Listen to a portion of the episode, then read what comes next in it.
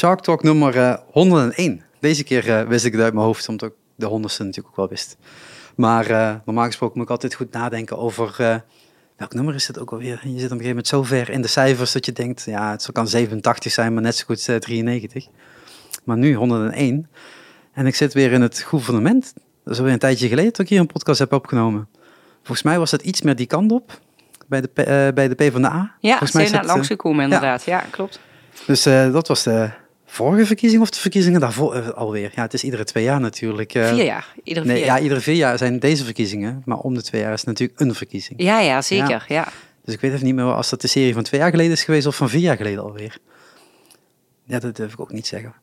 Maar ik denk, ja, er komen weer verkiezingen aan. Het gaat nu om de provinciale statenverkiezingen. Zeg goed toch? Ja, zeker, kijk, ja. heb ik het goed onthouden. En ik zag dat de waterschappen in Limburg ook eh, aan de beurt zijn. Want dat is natuurlijk altijd net anders hoe dat loopt per provincie volgens mij. Ja, dat loopt eh, samen. En natuurlijk ook heel belangrijk is dat de provinciale eh, staten de Eerste Kamer kiezen. Dus dat zijn best belangrijke verkiezingen.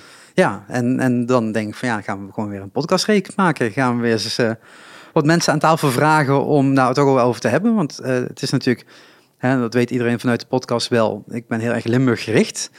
Of Limburgs gericht. Maar het zijn natuurlijk, hè, in heel Nederland spelen bepaalde kwesties. En er zitten natuurlijk altijd wat kleine andere puntjes, highlightpuntjes als het een bepaalde provincie gaat. Nou ja, daar gaan we het vandaag over hebben. Ik eh, moest, moet altijd nog steeds nadenken wat de naam nou is van de partij. Want het is partij voor de dieren en Heel niet goed. van de dieren. Dus Heel iedereen onthoudt het voor de dieren. Ehm, en jij bent de nummer één. Je bent de lijsttrekker. Je bent de fractievoorzitter. En je naam is Pascal, hè? Zeg goed? Ja, Pascal, Pascal. En dan, de achternaam kan ik je echt niet uitspreken, sorry. Plus Plus, nee, plus, Plus. Eh, ja, sorry als ik daarover struikel, maar het is Pascal dus. Ja, Pascal. Oké, die ga ik, dat gaat me wel lukken, denk ik, tijdens dit gesprek. Ja, Ehm, eh, je reageerde echt super snel op het mailtje wat ik stuurde, dus daar ben ik heel dankbaar nu al voor.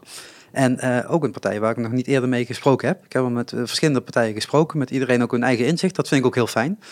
Ehm, ja, wie ben jij? Zullen we daar eens mee, mee beginnen? En hoe ben jij hier beland? ja, dat is een heel verhaal. Ik ben eh, Pascal eh, Plus K inderdaad. Ik ben eh 48. Ik heb een dochtertje van 7. Ik woon in Heerlen met een, een boerderijtje met een aantal eh geredde dieren. En zo is het ook begonnen. Ik heb al van eh kinds af aan al wel eh, eh, heel veel met natuur en eh, dierenwelzijn gehad. Ook veel met rechtvaardigheid en ehm, eh, ja, ook best wel eh, zo wat dieren gered. Eh, maar op een gegeven moment eh, heb ik een aantal eh, kippen gered die uit, eh, uit intensieve veehouderij kwamen. Of die heb ik via red- en legkip eh, opgehaald. Laat ik het zo zeggen. Ik heb die niet zelf gehaald, maar bij zo'n eh, punt van red- en legkip opgehaald. En ik moet zeggen, van, ik, heb, ik heb nog nooit zoiets treurigs gezien. En dan vooral omdat het zo massaal gaat. Hè. We, we fokken en slachten in Nederland eh, 640 miljoen dieren per jaar. Ja. Ja, die produceren bijna 400.000 kilo eh, mest in Limburg alleen al, maar dat is weer een ander verhaal. En maar in ieder geval die kippen, ik denk, ah, wat, wat, dat ik, ja, dat waren bij- bijna soepkippen die nog leefden, zeg maar. Hè? Dus zo zagen ze eruit, helemaal kaal, eh, niet gaan om naar buiten te gaan. Ik heb die iedere dag even één voor één buiten moeten zetten, want dat snapten ze helemaal niet. Ja, dan zie je hoe die kippen weer eh, opbloeien en eh, hoe ze leren buiten te scharrelen en zonnebadje, nemen. En denk van, oh ja, zo erg als je dat ziet eigenlijk, eh, hoe er met dieren wordt omgegaan in de intensieve veehouderij. Ehm, ik ben ook vegetariër. Eh, ik eet ook veel plantaardig eh, voedsel. Maar ik dacht, dat is niet genoeg. Ik wil, ehm, ik wil meer betekenen voor de dieren. Dus ik heb me toen aangesloten bij de Partij voor de Dieren... eigenlijk om te ondersteunen met een campagne. En toen stond ik vrij snel op de lijst... voor de provinciale eh, verkiezingen. Je, je vulde het infoformulier op de website aan en toen stond je opeens op de Limburgse lijst. eh. Ja, er zat, er zat een tijdje tussen. Maar oké. ja, je hebt je laten zien. En ik heb, ik heb destijds een, eh, een reddingsactie gedaan voor paarden. Dat was een, een heel verhaal ook. Er was hier van een, eh, een zorginstelling in Zuid-Limburg... die eh, ehm, met zorggeld eh, gefraudeerd had. Eh, en er is de Fiat binnengevallen. Nou, dat eh heel drama. Ook natuurlijk voor de cliënten, de betrokken Mhm. cliënten. Maar ook voor de paarden die daar stonden. Want die werden gewoon op een openbare veiling verkocht. Nou, dat, dat zijn andere paarden dan sportpaarden. Dat zijn vaak wat zwaardere paarden die een hele grote waarde hebben voor mensen die inderdaad gehandicapt zijn, maar die eigenlijk zo in de markt bijna niks waard zijn. Dus er stonden ze al te schatten hoe, hoe zwaar die paarden waren. En toen heb ik samen met de Stichting Paardennood en met Karen Soeters, dat is uh, de huidige directeur van uh, House of Animals, Ja. hebben we een reddingsactie gedaan. Hebben we een aantal van die paarden kunnen vrijkopen en een goed leven uh, kunnen geven. En zo had, had, ik wat bekendheid wel gekregen in de partij. En toen stond ik op een gegeven moment op nummer twee. En toen dacht ik, dan leer ik het wel van de nummer één. Maar we kregen maar één zetel. en uh, vrij snel daarna moest nummer één een vervanging doen in Den Haag. En toen werd ik gebeld of ik, uh, of ik die plaats wilde innemen. Ja, en dat heb ik gedaan. Ik ben eigenlijk nog wel weggegaan ook. Ja. Wanneer is dat dan geweest? Wanneer in, dat, uh... in 2015. Oké. Okay. Ja. Dus dat is, zo, alweer acht. Zo. Ja, dat is lang geleden. Oh, de ja. tijd die vliegt voorbij. Ja, Moet ja. altijd even nadenken. Ja. Um, maar dan, dan, ja, dan rol je echt erin. Dus je had ook niet van tevoren eh, een gemeenteraadslid geweest of dat je daar Nee. bezig bent geweest. Gewoon puur vanuit de passie en de gedrevenheid Ja. uh, voor de dieren in dit geval. Kom je opeens bij een partij uit. ja. Ik kan me wel voorstellen dat je dan in 2015 denkt, uh, ja, ik ken dat gebouw wel. Ja, precies. Maar wat, uh, ja, nee, ik heb wel echt denk moeten googlen. Ik moet wel zeggen ook uh, dat ik een hele goede fractiemedewerker had en heb nog steeds. Hij werkt nog steeds voor ons. En inmiddels is de fractie ook uitgebreid en zijn we twee staatsleden, twee burgercommissieleden, twee medewerkers. Maar ik had wel goede ondersteuning en hierin word je ook goed ondersteund, moet ik zeggen, als je hier binnenkomt. Echt top. Uh, en je leert snel wel uh, hoe de hazen lopen in, uh, in de provinciale staten. Dus dat wel, ja. Maar ik kan me ook voorstellen dat als je dan alleen zit... en natuurlijk heb je een aantal mensen die daarin helpen... dat je als eenmansfractie, of eenmansfractie... in ieder geval als, als, enige persoon in de fractie... vanuit de partij, zo moet ik hem omschrijven... Ja.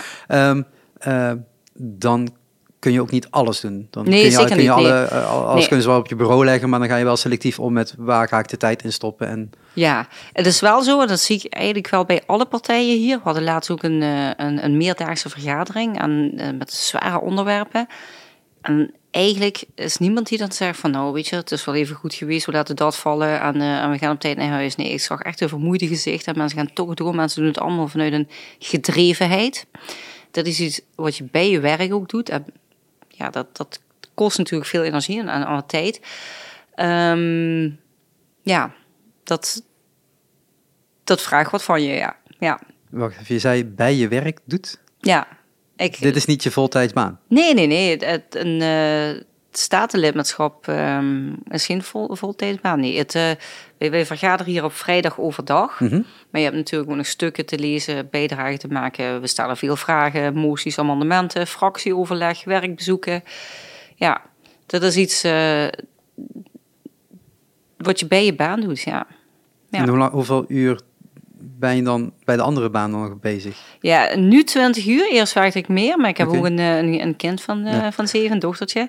Dus dat wil je ook uh, af en toe zien natuurlijk. Nee, dat, dat is ook heel belangrijk. Dus, dus ja, constant moet je wel die balans blijven Maar het is zoeken. niet 2020?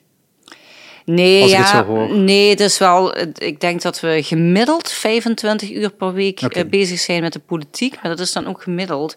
Want we zitten natuurlijk een kleine fractie. Er speelt veel. Veel van onze onderwerpen, ook wat wij Mhm. belangrijk vinden, spelen in de provincie. Dus de, de, je hebt ook wel tijden, daar ben je er meer mee bezig, ja. Ja, Ja, maar ook, hè, een, sommige mensen werken tussen 38 of 36 en 40 uur, zou ik maar zeggen. Hè. Dan is die vijf uurtjes, klinkt dan nog wel, hè, valt dan nog wel mee. Maar het is gemiddeld, dus ja, er zijn ook zeker, Ja. kan me voorstellen, weken waarvan je denkt, nou, ja. volgens mij staat nog ergens een eh, mooi boerderijtje waar ik eh, af en toe mag slapen. Ja, ja. ja. ja dat, eh, dat klopt. Maar het is wel een, ik vind het ook wel eervol om te doen. Hè. Je hebt ook Mhm. het vertrouwen gekregen van je partij, van de mensen die op je gestemd hebben. Dus ik vind het ook eervol. We hebben ook best wel, we hebben alle schoolvakanties vrij. Maar er zijn wel inderdaad weken bij waarvan je denkt, als je zware debatten hebt, van, je er constant mee bezig, ja. Naast je gewone baan. Ja, het is natuurlijk een, een topic waar we zeker niet te ver in hoeven te duiken. Maar je hoort natuurlijk steeds vaker vanuit de politiek, vanuit Den Haag, dan misschien wat duidelijker dan, dan de provincia- eh, provincies. eh, dat het zo'n zwaar werk is dat het ook gewoon eigenlijk niet handelbaar is. Eigenlijk de vraag die de, de maatschappij eigenlijk aan de Ja. politica stel- politicus stelt. Was een meervoud van een politicus? geen Politici. Ja. politici. Ja. Ehm, eh, dat dat eigenlijk te veel is. Dat je gewoon te veel dingen moet handelen in een week tijd. En als je dan nog eens een keer 50-50 werkt of wat dan ook, dat dat, die, die vraagstukken gewoon eigenlijk gewoon te zwaar zijn geworden om maar even erbij te doen. Ja, dat, dat is absoluut waar. Kijk, eh, een Tweede Kamerlid eh, werkt fulltime, maar ook meer dan fulltime. Maar die komt ook echt niet met 40 uur. En zeker niet bij een kleine partij. Hè. Als je ergens achteraan zit bij een grote partij, dan heb je het wat minder te doen. Maar bij een kleine partij zoals wij, ja, dan, dan, dan dat, Ja, maar dan moet je bijna op alle, alle vraagstukken moet je antwoord kunnen geven. Terwijl Ja. bij een grote partij kun je dan nog een beetje verdelen. En verdelen? zeggen ja, wie, precies. eh, Dus we maken wel ook keuzes, maar we proberen wel zoveel mogelijk te doen, omdat hier ook heel veel van onze onderwerpen spelen. Maar wat natuurlijk speelt, is dat, er, eh, dat het Rijk heel veel gedecentraliseerd heeft. Hè? Bij de provincies, maar ook bij de gemeente over de schutting heeft gegooid. Dus er komt alleen maar meer, meer, meer bij. En wat je ook wil, is dat, eh, dat zo'n zo'n gemeenteraad of, een, eh, of een, eh, de provinciale staten, dat het een afspiegeling is van de maatschappij. Dus je wilt niet alleen maar gepensioneerde mensen eh, eh, hebben zitten in een raad. Hè? Je wilt dat het een, een, eh, ja, een afspiegeling is. En je krijgt er een vergoeding voor. Maar eigenlijk, als je goed voor jezelf wil zorgen, kun je beter gewoon fulltime gaan werken. Dan heb je eh pensioenopbouw en eh bouw je eh, rechten op voor als je ziek wordt. En dat is in de politiek allemaal niet, in de staten niet. dat wist ik niet. Nee, ja, dat, is, dat, dat doe je echt vanuit passie. Anders is het totaal niet interessant. En vooral, wij zijn geen partij waar je bij komt als je politicus wil worden. Nee, wij zijn eh, mensen die, die dieren, kwetsbare mensen, natuur, klimaat belangrijk vinden. En daar gaan wij voor. Maar het is, het is iets wat je erbij doet. Ja, en zo is de vergoeding ook eh, opgebouwd. Ja, maar dat is, dat is wel heftig als na het kijken. Aan de ene kant hè, verwachten we dat ook. Hè. Er zijn mensen die het willen, dus daarop kunnen we stemmen. En de Ja. rest die kan stemmen, dan mag ik het zo Ja. zeggen. En, eh, en dan wordt het wel uitgevoerd. Maar toch merk je natuurlijk, en, en iedereen, iedereen heeft wel een mening over hoe dingen ja, bepaald worden. Of hè, Ja, zeker. wie, Ja. er, wie er in de raad komt, eh, als het nou gemeentelijk is of inderdaad provinciaal, of inderdaad wie de Tweede Kamer eh, eh, binnenkomt en wat we daar allemaal van iets van vinden en wat wordt er wel gedaan en er wordt altijd weer gemiddeld. Hè. Dat is, er is niet één keuze en dat is de weg die we volgen in Nederland. Maar ja. je hebt gewoon een poldermaatschappij daarin, dus ja, het is altijd in goed overleg hoop je dan altijd tot daar een, een, een, een betere keuze uit wordt gemaakt. Nou ja, daar sta je dan voor te strijden. ja. Dus de kans dat, dat zeg maar, de idealen volledig worden uitgevoerd is eigenlijk ook nul. Dus dan kan ik me wel voorstellen dat het ook wel zwaar weegt. Dat je dan zo'n dossier aan het lezen bent en je denkt, ja, dit is eigenlijk wat ik wil. Maar je weet eigenlijk altijd, je komt altijd een stukje eerder uit. Want ja, je moet ook anderen weer iets gunnen. Of is het eigenlijk altijd vol in een iets verder vragen en dan hoop dat je uitkomt waar je wilt uitkomen? Nou, wij, wij gaan wel bij eh, van ons. Je mag trouwens eh, wel goed in de microfoon eh, Ja, praten, van dus- ons wordt gezegd dat we wel de redelijk, eh, eh, ja, ook heel standvastig zijn in Mhm. onze standpunten.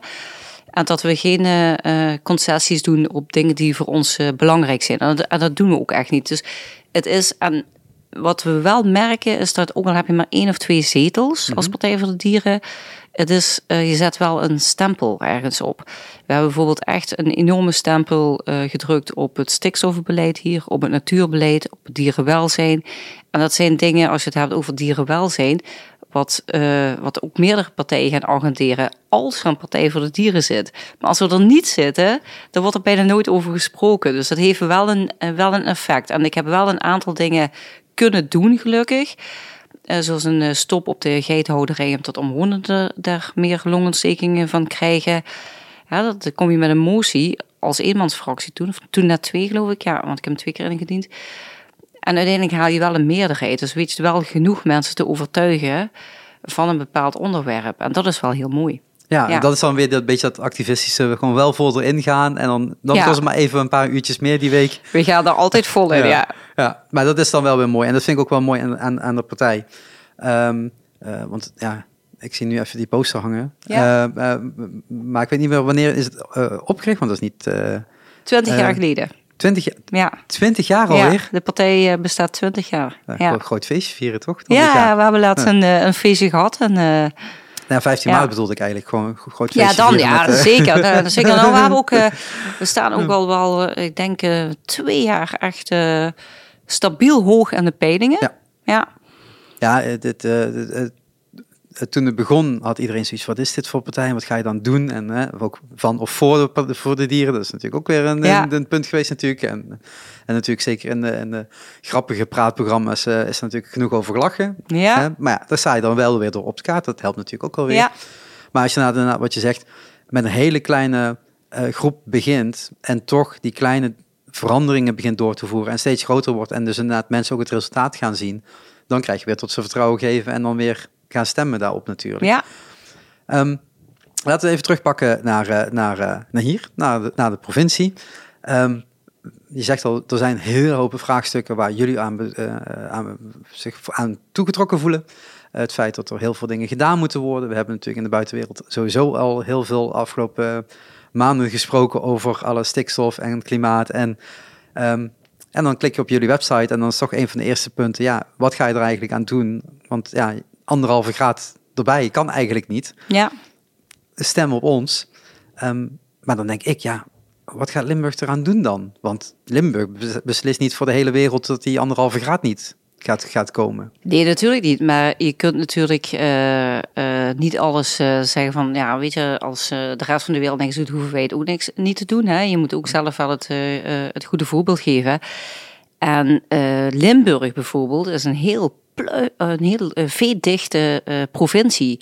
We hebben echt, wat ik net zei, we hebben ja, 3700 nog wat miljoen kilo mest per jaar. Dat zijn ja, dat is echt gigantisch. Dat is enorm. En dat is enorm slecht, niet alleen voor het klimaat, maar ook voor de waterkwaliteit, voor de luchtkwaliteit, eh, voor de bodemkwaliteit. Slecht voor het dierenwelzijn, risico op zoonoses. Hè. Denk aan, eh, aan de vogelgriep, eh, dat soort dingen allemaal.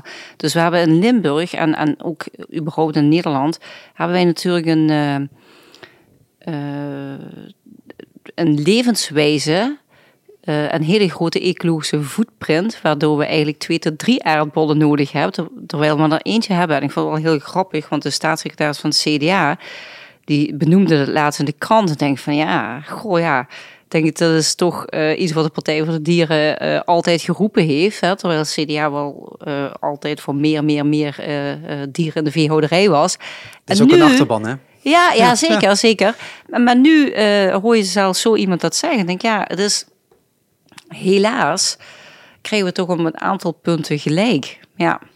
En ik vind dat, ja, Limburg doen we dat zeker. We, we, we, hebben, eh, we stoppen heel veel eh, provinciaal geld eh, in een, in een noodlijdende luchthaven. Nou, terwijl de provinciale schatkist, dat is echt wel de bodem van in zicht. Eh, we, we bekappen een oerbosje, het sterrenbosje, om, om meer fossiele auto's te produceren, die er waarschijnlijk nooit gaan komen. Ja, dat zijn toch dingen waar we in Limburg echt wel foute keuzes in maken, moet ik zeggen. Ja, Maar dan eh, kijk ik naar Limburg en denk ik, dan zie ik toch heel veel weilanden, zie ik toch heel veel boeren. Is dan eigenlijk het, het, het punt van ja, boeren gaan maar wat anders doen? Hè? Nee, het- helemaal niet. We willen meer boeren, maar we willen minder dieren. Oké, Dus we willen echt een extensivering.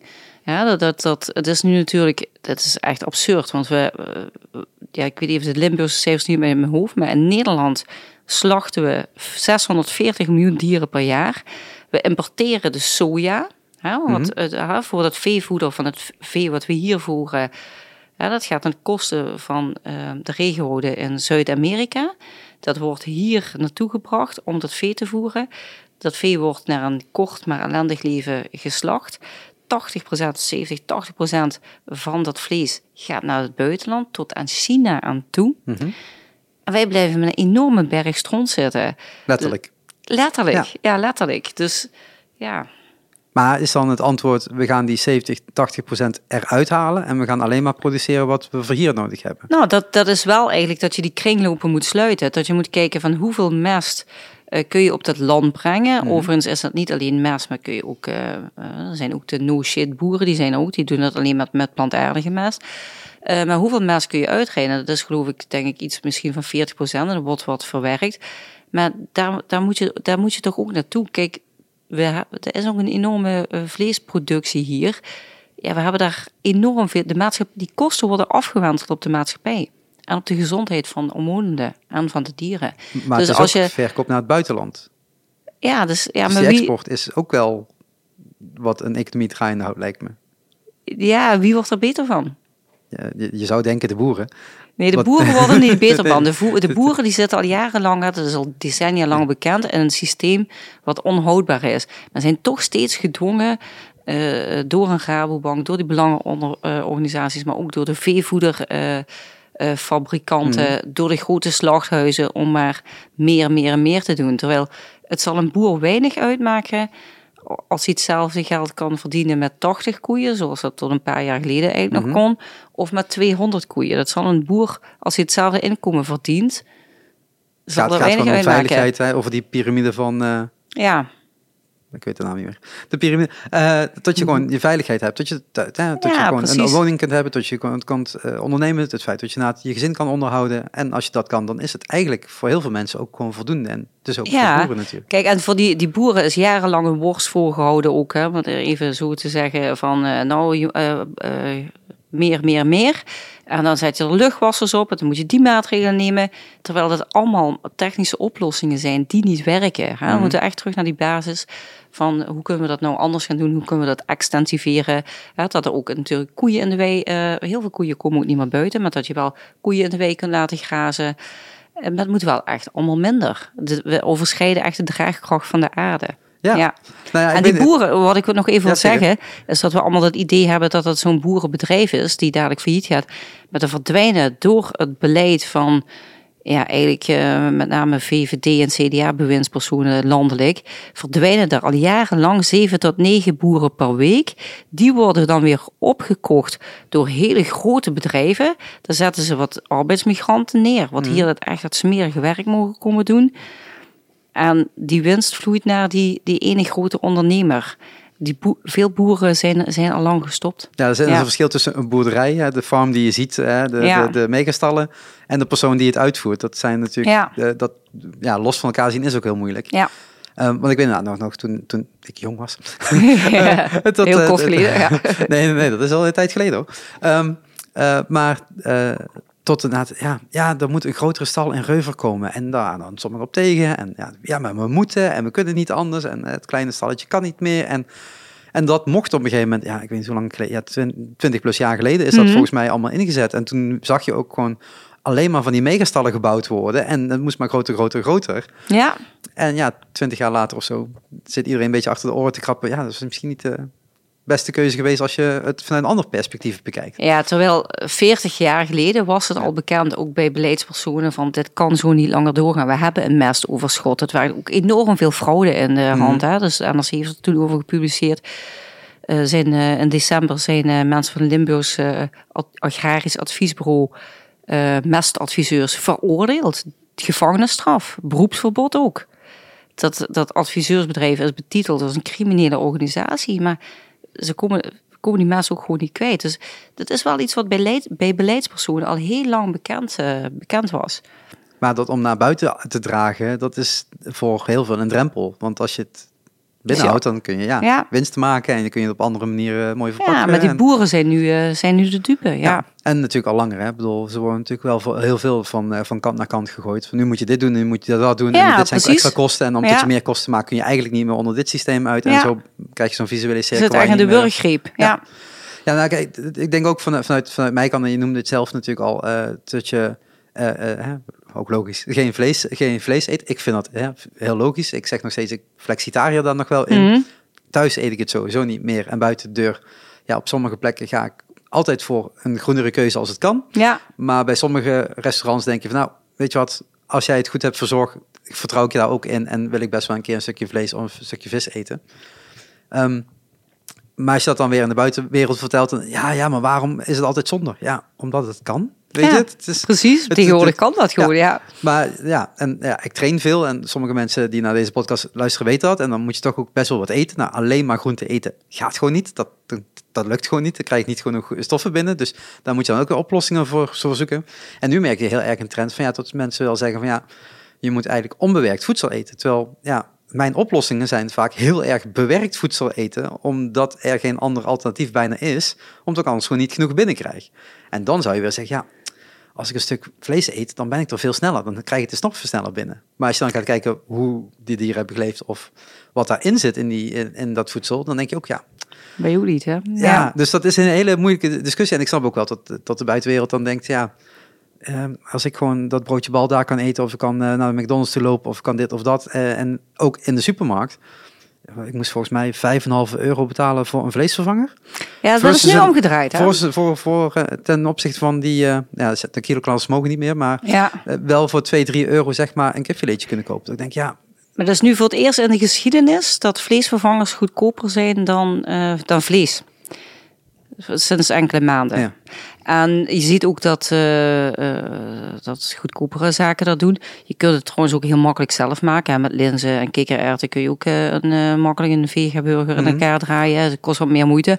Maar ook gewoon het, het ik eet zelf ook niet iedere dag vleesvervangers. Um, ik uh, probeer ook vaker uh, inderdaad uh, peulvruchten, ja. ja. precies, te gebruiken. Dus er zit het gaat met name om afwisseling. En um, het is ook niet zo dat de Partij voor de Dieren vindt dat iedereen vegetariër moet worden. Maar het is wel zo dat het ook aangetoond is dat het gezonder voor je is. Dus dat er eigenlijk de uh, Raad voor, uh, ik weet even, regeringsbeleid volgens mij. Ik weet even de exacte naam niet meer, maar er liggen in ieder geval talloze rapporten mhm. die zeggen van nou, uh, hier in het Westen consumeren we te veel vlees en uh, produceren we ook te veel vlees. En dat is alle twee ook slecht voor onze gezondheid. Dus als je nu uh, die veestapel echt fors inkrimpt, dan zijn een heleboel problemen opgelost. En dan kunnen die, uh, die dieren wat er zijn, die kun je ook een beter leven geven. Ik zou zelf echt nooit vlees eten. Maar um, het gaat wel erom dat dat mensen meer plantaardig gaan eten. Mhm. Vanwege de gezondheid van de planeet, vanwege hun eigen gezondheid en vanwege de gezondheid van de dieren. Ja. ja. En als je daar een mooie balans in, in vindt, dan kun je nog steeds gewoon lekker twee keer per week een mooi stukje vlees eten tegen een eerlijke prijs. En de rest van de week verzin je iets anders als nou een vervanger is of uh, zelfs zonder. Ja, weet je, kan ook, ik, ik spreek ook wel steeds meer mensen die vegetariër worden die zeggen van ja, dat is nu zo gemakkelijk geworden. Hè? Mm. Dat is nu in, uh, in, veel restaurants. Limburg lopen inderdaad toch nog wel erg dat dat niet echt uh, vegan, uh, vegan tijntjes zijn. Maar het aanbod in de supermarkt en ik moet zeggen ook in een restaurant als je ergens gaat eten ja, het is echt wel echt enorm verbeterd. Ik had echt wel, een, een beetje zo'n schouderklopje voor mezelf, maar nee. Mag ook af en toe. Nee, maar dat je denkt, al jaren geleden, waarom zijn de Burger King en de McDonald's niet als eerste in dit gestapt, in dat vegan, vegan, vegan worden? Want die burgers, die, dat, ene smaakt nergens naar, het is gewoon een stuk plastic op een broodje. Ja. En um, als je als hun, zeg maar, die echt een hele grote schaal hebben, dat zou kunnen omturnen van een letterlijk ja, een vleesburger naar een vega-burger. Hun hebben daar de middelen voor. Hun kunnen die miljarden erin pompen, zou je denken. En dan wachten ze, wachten ze, wachten ze, wachten ze. En dan heel voorzichtig, ja, we doen één weekje doen we iets groens. En dan heel lang niks. En dan hoor je inderdaad steeds meer mensen natuurlijk, ja, wanneer komt dat terug? En nu zie je inderdaad dat dat gewoon wel op ieder menu wel erbij staat bij zo'n uh, fastfoodketens. Ja. En dan denk ik van ja, het, het, is ook een hele trage ontwikkeling. Terwijl, ja, wie gaat dat veranderen? Nou ja, het begint letterlijk weer bij jezelf natuurlijk. Maar niet één op de andere dag ga ik gewoon zeven dagen in de week uh, niks meer van vlees eten. Dat snap ik ook wel dat er voor heel veel mensen een drempel is. En zeker in een gezinssamenstelling. Ja. Dat je dan. Uh, ja, ik heb bij zo'n. Uh, het is in het buitenland een Burger King die volledig plantaardig is. Ja. ja. Het kan wel. Het kan wel, het kan wel. Maar het is natuurlijk. Um, uh, dat is natuurlijk wel ook redelijk ongezond uh, voedsel ook. Hè? Je wil toch dat die basis uh, wat gezonder is. Hè? Dat is, is bewerkt, bewerkt ja. ja. Maar dat zijn die hamburgers natuurlijk ook. Hè? Heel veel vleesproducten zijn ook bewerkt. dus dat is even van, ongezond. Van wat ja. je, het, het, het, verschil maakt. En dat vind ik natuurlijk ook, ook wel... Ik heb, en dat, die, die podcast staat ook al heel lang online met Jimmy Joy. Uh, uit Amsterdam, die maken uh, uh, voedselvervangers. Hmm. En daar zit gewoon alles in wat je nodig hebt. Ja. een reep of een shake en daar zit 400 kilocalorieën in, volledig afgemeten wat je nodig hebt. Het is afhankelijk ten opzichte van wat je dat vergelijkt, als dat gezond is of niet. Het is een gezondere keuze dan die pizza die je naar binnen werkt ja. avonds dus en daarvoor is het destijds gemaakt. Echt gewoon de, de, de nerds die s'avonds achter een computer zitten te gamen en die dan denken, nou, ik bestel nog een pizza of ik pak nog even dit of pak nog even dat. Ja, dan, dan is dit een gezondere optie. Ja, zeker. Als je puur gaat kijken naar groente, fruit, dat soort dingen. Maar dan hoeft dat niet per se een gezondere optie te zijn, nee.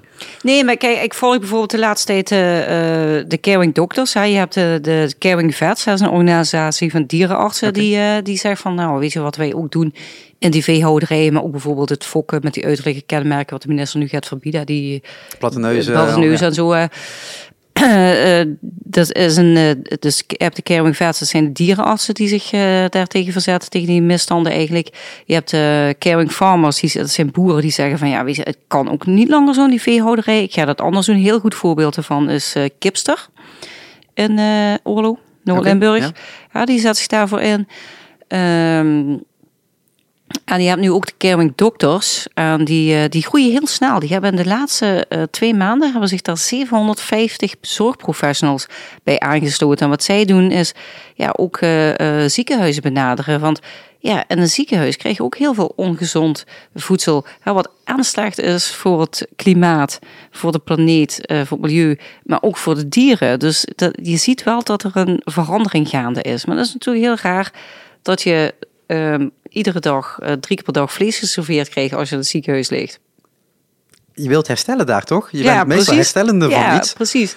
En dan weet je dat dat zo snel mogelijk gaat. En ja, dat, ja. maar ja. Dat, is, dat, zijn, dat, zijn, en dat zijn best grote instellingen ook iedere keer. Ja.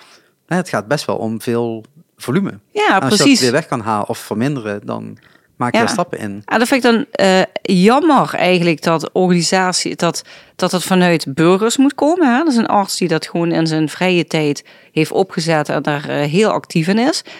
Maar dat, ja, dat het niet vanuit zo'n instelling zelf komt van nou weet je, uh, inderdaad, we willen leefbare aarde achterlaten voor onze kinderen. We willen onze patiënten zo gezond mogelijk laten eten. Waarom, waarom gebeurt dit nog niet? En is dat dan ook een rol vanuit jullie? Vanuit de nee, provincie? Nee, nee, of dus, is dat, is uh, dat, moet, moet, dat ook juist eigenlijk dan, als, als de instellingen die doen, moet het van de burgers komen, want de politiek wil er niet tussen komen te zitten? Ja, voor, uh, politiek vindt het natuurlijk heel lastig om te zeggen van, uh, ja, te bepalen wat je in je mond gaat stoppen. Hè? Dat, dat is iedereen zijn vrije keuze. Maar het is natuurlijk wel zo dat, dat die, die kosten, als je kijkt wat, wat de werkelijke kosten zijn van die vleesproductie en alles wat erbij hoort, hè. En, we leven ook bijvoorbeeld uh, korter door een slechte luchtkwaliteit. Uh, wel 11, 12 maanden gemiddeld. Gemiddeld. En daar heeft bijvoorbeeld de uitstoot van de veehouderij heeft er ook een heel groot stempel op. Verkeer ook, maar veehouderij ook. Dus ik, ik denk dat je wel wat in een breder plaatje mag kijken eh, en, en, en kijken van waar zijn we nu eigenlijk mee bezig. Maar als het niet vanuit de uh, politiek uh, komt, zeg maar, hmm. um, dan kun je het wel stimuleren tot het vanuit onderop komt, zeg maar. Ja. Als je ziet dat de politiek boven staat, want dat is natuurlijk niet helemaal waar. Maar hmm. of is dat gewoon vanuit een partij niet, niet te, te doen? Dat je zegt van nou, wij, wij steunen dit soort groepen juist door misschien in een lobby beter mee te werken of juist. Nou ja, ik, ik, volg natuurlijk de caring doctors ja. met, met veel aandacht. Hè. Dan denk ik van nou, wat goed dat iemand dat doet. Hè. Dat, is, uh, dat is, uh, vind ik heel goed. Net zoals de caring vets dat doen. Want dat is niet gemakkelijk. Hè. Je hebt ook. Uh, vaak worden dat soort mensen in hun beroepsgroep ook een beetje geridiculiseerd in het begin. Net zoals de Partij voor de Dieren in het begin uh, geridiculiseerd werd. Maar uiteindelijk worden ze wel serieus genomen. Dus ik ben wel, het moet vanuit onderop en bovenop komen. Kijk, het is nu de eerste keer dat uh, die vleesvervangers goedkoper zijn dan vlees.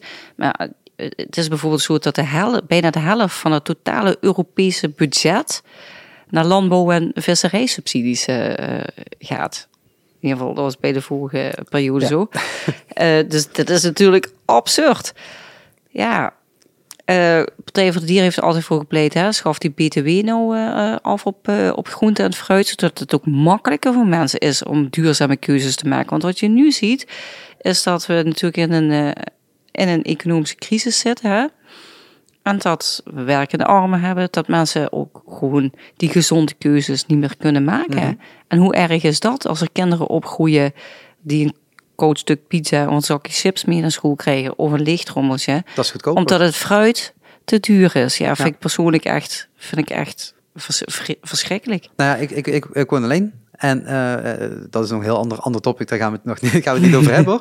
Maar um, je, je merkt gewoon wel, dat, ik heb jaren geleden die keuze gemaakt om thuis dus inderdaad geen vlees meer te eten. Mm. Maar de laatste paar maanden denk ik, in, in, bij die schappen, ja, ik weet het niet meer. Ik weet echt niet, ga ik nu ga ik naar het andere vak toe, naar dat, dat vak wat ik al heel lang niet meer heb gezien. het, het, het, het, is al wat groter geworden. Dat is een goed begin. Ja, ja. Maar die prijzen die erop staan, wat ik net ook zei, ik vind dat echt gewoon, dat, dat, dat gaat dadelijk een keuze zijn. En voor de ene ligt die keuze net wat eerder dan de andere. En de andere is natuurlijk uh, vanuit, uh, de, ja, ik ga dat gewoon nooit doen, dus dan moet ik maar uh, 7 euro voor die vleesvervanger betalen. Maar als je dan achter je kijkt en je ziet daar ja, die kip liggen voor anderhalve euro, dus je denkt, ja maar ja, hoe, dat is heel krom. Ja. Hoe werkt het? En dan zie je, nou, bijvoorbeeld bij sigaretten wordt er wel allemaal vanuit de overheid ja. middelen bovenop gegooid om maar te demotiveren. Ik bedoel, iedereen heeft nog steeds een vrije keuze, maar als jij voor 25 euro een pakje sigaretten wilt kopen, of wat is het nu, uh, moet je dat vooral doen. Ja. Go, go, for it. Het zorgt ook dat de schatkist beter gevuld wordt. Um, maar bij vlees valt dat dan juist de andere kant op. Het is Ja. bij, bij, ja, gesubsidieerd. Het komt Enorme lobby, enorme lobby. Ja. Maar dat is wel iets wat de overheid natuurlijk... Ja, Beter zou moeten reguleren. Ja, Ja. zeker. Zeker, ja. En, en dan krijg je nou dus dat je die keuze. En dan zou je dan kunnen zeggen, nou, we halen misschien wat meer geld op bij het vlees. En dat stoppen we dan weer in de vervangende middelen. En wat vervangende middelen is, dan kun je natuurlijk over Ja. hebben. Is dat fruit, is dat groente? Of hè, welke boeren of welke ondernemers moeten we daarin helpen? Maar ja, dan krijg je dan weer tot de ene voor, eh, voorgetrokken wordt ten opzichte van de andere. En dat mag weer niet. Eh, Dus dan krijg je de Europese wetgeving waarschijnlijk nog op je dak. Dus Ja. het is natuurlijk wel heel lastig. Nou ja, het is natuurlijk wel, je zou true pricing moeten doen. Hè? Ik vind wel dat je inderdaad eh, bij de goedkope su- supermarkten heb je ook wel redelijk, heb je ook wel voor 1,50 eh, vleesvervangers Ja. bijvoorbeeld. Hè? En bijvoorbeeld kikkererwt of linzen, die zijn juist heel erg goedkoop.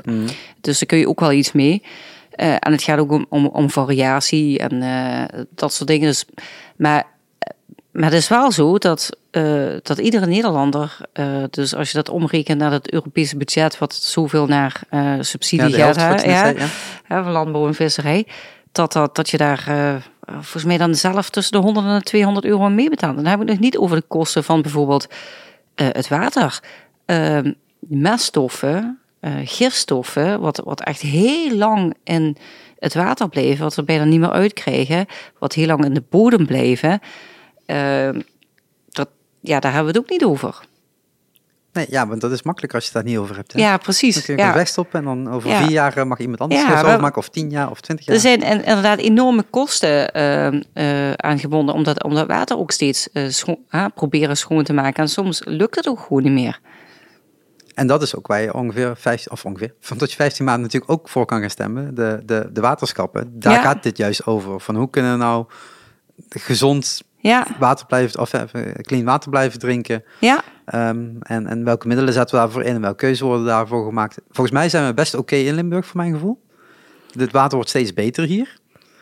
Nou, ik denk, nee, ik denk het niet. Ik denk het niet. Maar ik terug naar flessenwater. Moet ik weer plastic gaan kopen? Ik wil minder ja, maar dan krijg, je, je ook wel die microplastics eh, binnen. Ja, Ja, ja ik, heb- ik gebruik zelf eh, eh, een, een waterfilter, moet ik zeggen. Ja? Een goeie, ja, zeker. Ja, ja. Niet altijd. Hè. Is ook Deze, dit is ook... ja, ik, ja, ik heb een Ja. dure aangeschaft die wel heel lang gaan die filters tien jaar mee. Nou, dat is een keuze, met dat hoeft niet.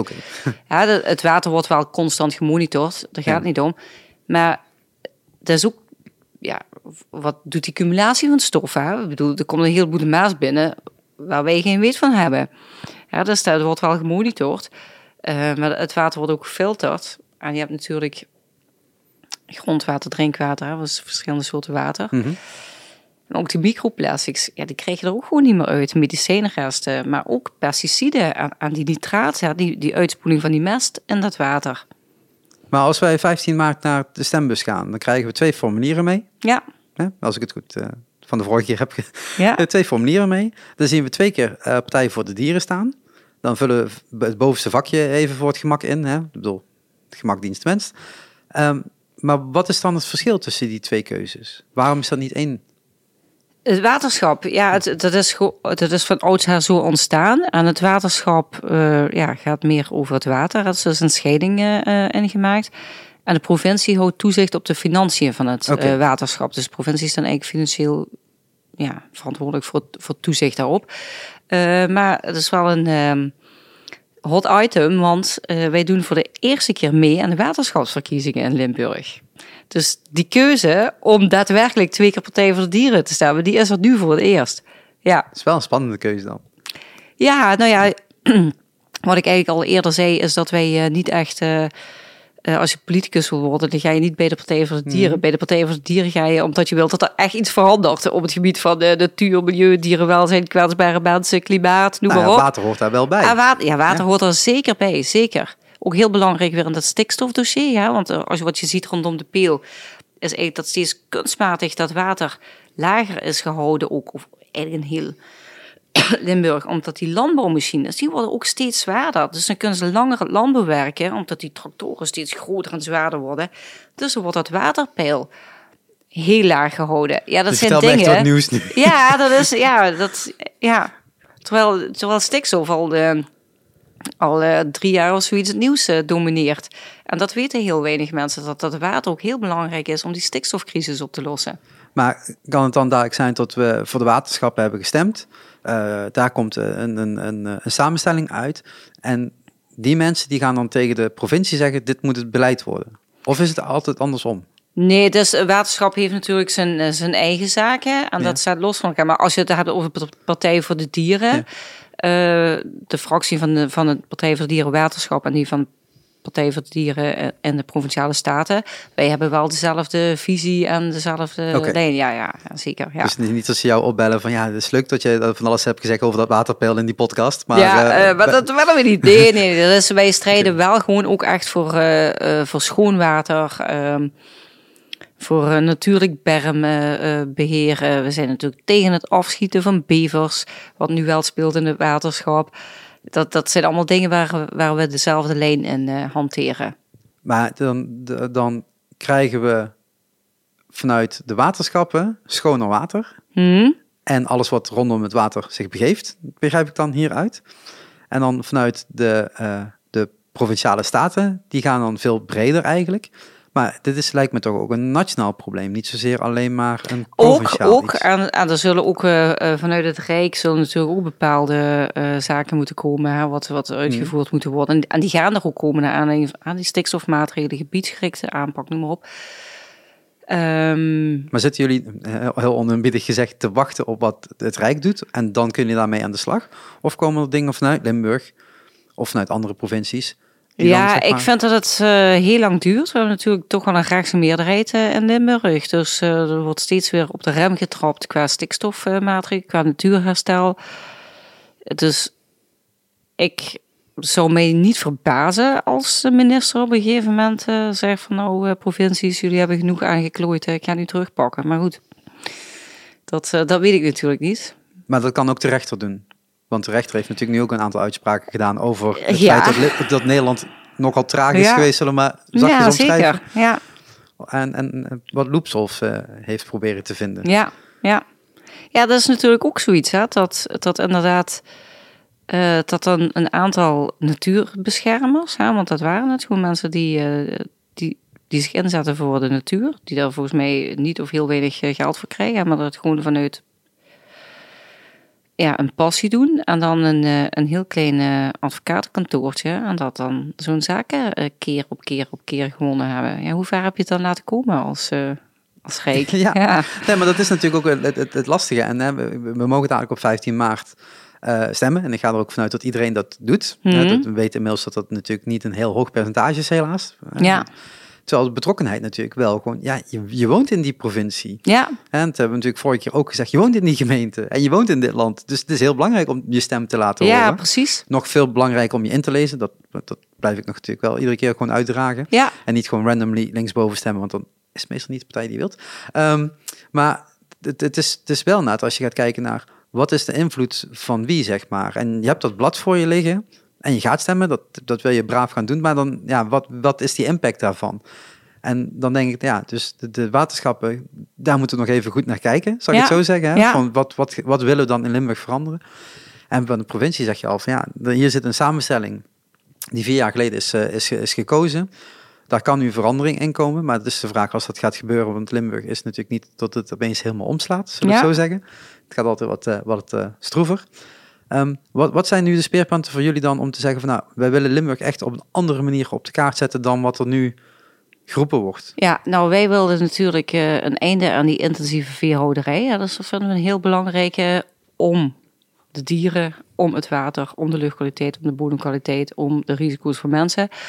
Uh, we willen echt daadwerkelijk natuurherstel. En wat ook heel belangrijk is, die natuur verbinden. Dat is ook al jaren beloofd dat we dat uh, zouden doen. Van nou, uh, je moet die, die, gebieden verbinden, zodat...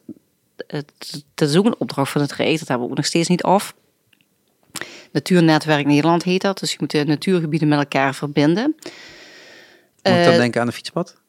Uh, nou, een groen fietspad. De, de, geen fietspad, maar wel, dat kan soms met stepping stones zijn. Hè? Dat dieren en insecten via wegbermen of, uh, ja, okay, dus, of, of via stepping stones, wat groene gebiedjes, wel kunnen migreren. Zodat er een aaneenschakeling is van die, van die natuur.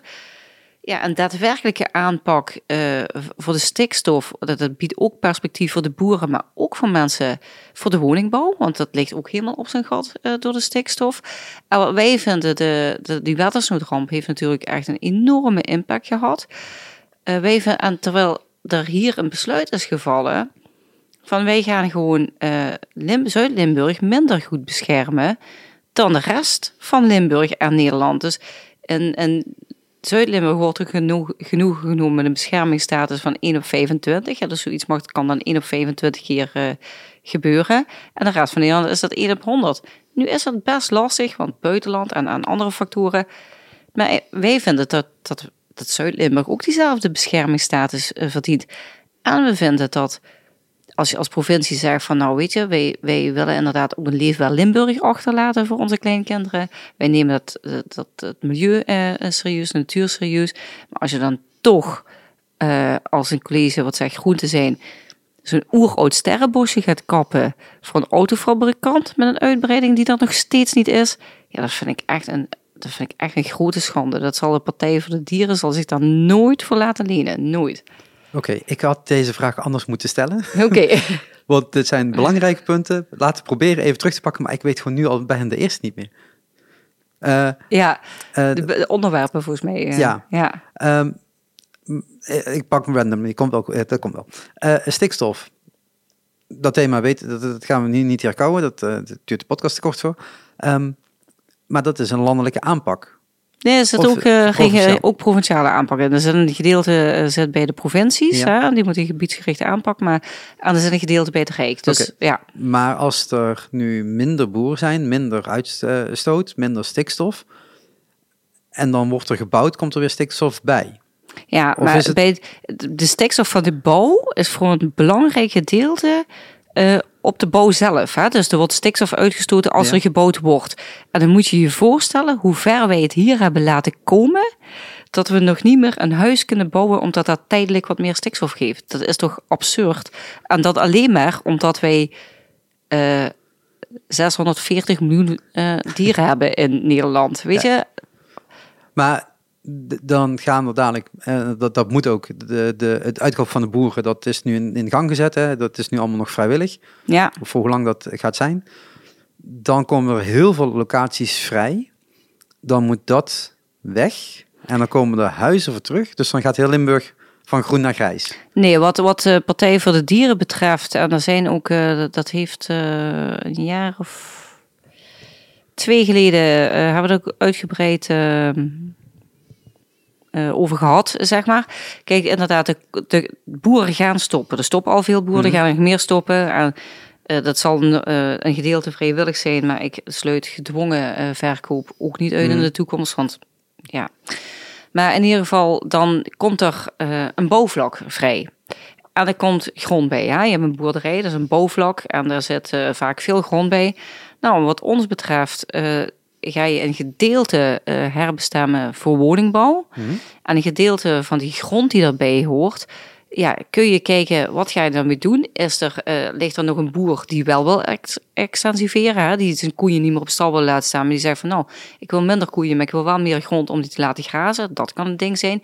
Ja, dan kun je dat natuur inclusief doen, hè? dus biologisch bijvoorbeeld.